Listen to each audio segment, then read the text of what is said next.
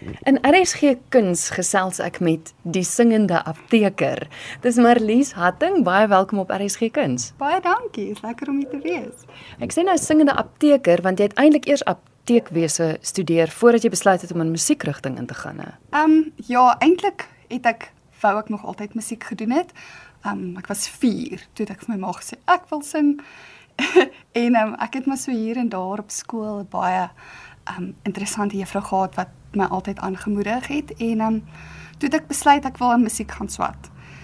En soos dit 'n goeie pa en 'n ma is, sal hulle sê my kind is reg, jy kan musiek gaan swat, maar swat eers 'n graad.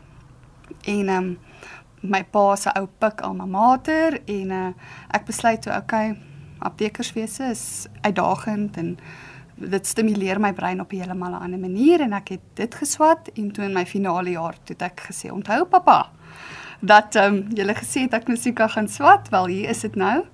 En ja, nou 'n finale jaar ehm um, sangstudent en ehm um, ja, en dit is vir my fantasties lekker. Beide kante is nou besig met my gemeenskapsjaar. Ehm um, en finale jaar. Ja.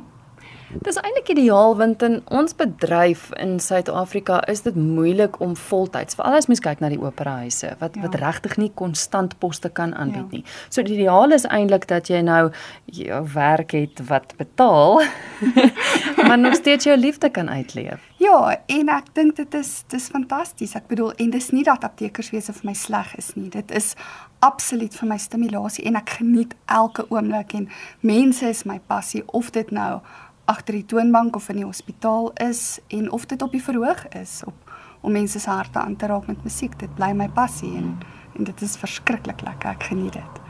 Hoe gereeld tree jy op? Want ek weet jy was nou 'n rukkie terug was jy in Nelspruit gewees mm. as deel van die Carmen produksie. Ja, dit was my eerste eh, produksie as 'n um, opera sanger.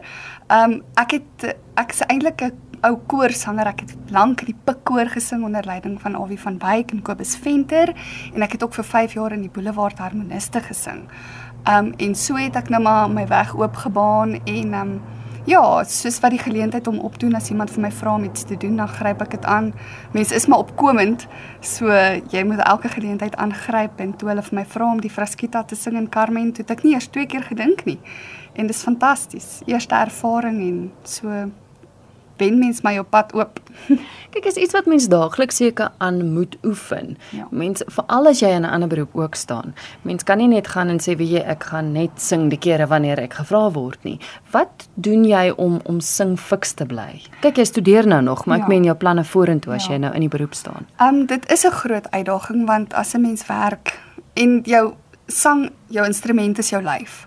So as jy by die werk is en jy's heeldag besig en jy's moeg, maar dan moet 'n mens jouself maar net oortuig hoekom jy dit van die begin af doen, want dit is lekker. En dit dit stimuleer jou en dit maak jou net oop vir die wêreld en ek dink daar's nie noodwendige ander motivering as die feit dat dit jou aanspoor en vir jou lekker is nie. En dan moet jy net maar in die aand gaan daar in swaai by die konserve en in 'n oefenkamer gaan sit en jy moet jou teks memoriseer en jy moet jou note memoriseer en jy moet op naweke gaan oefen. As ander mense gaan kuier dan gaan oefen jy maar. Jy kan natuurlik altyd vir jou kliënte in die apteek sing.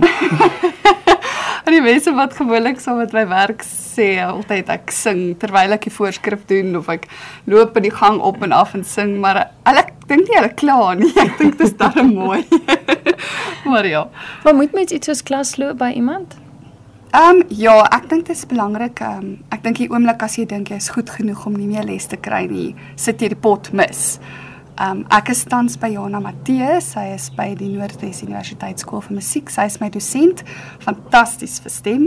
Ehm um, en ek dink 'n mens moet daarin bly want daar's altyd iets. Mens kan nooit perfek wees nie. Net om heeltyd bewus te wees van dit wat jy moet doen en dit wat jy reeds goed doen en om daarop voort te bou.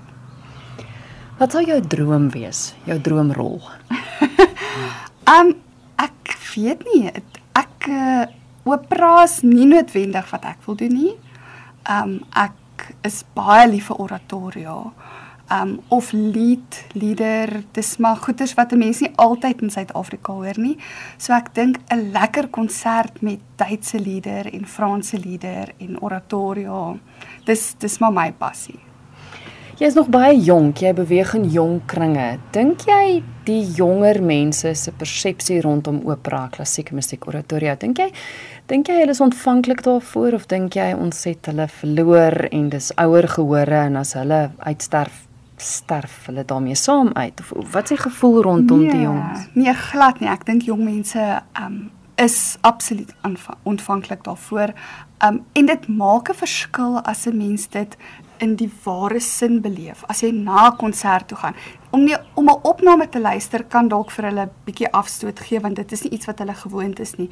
Maar die oomblik as hulle dit sien en hulle sien die emosie en hulle sien die tegniek, kan hulle absolute waardering kry daarvoor. En mens hoef nie noodwendig te gaan en 'n opera of iets modern aan te bied om nee. om hulle te lok nie. Nee, nee, ek dink ek dink die hele essensie van opera is so is so in die lig dat 'n mens glad nie dit hoef te doen nie.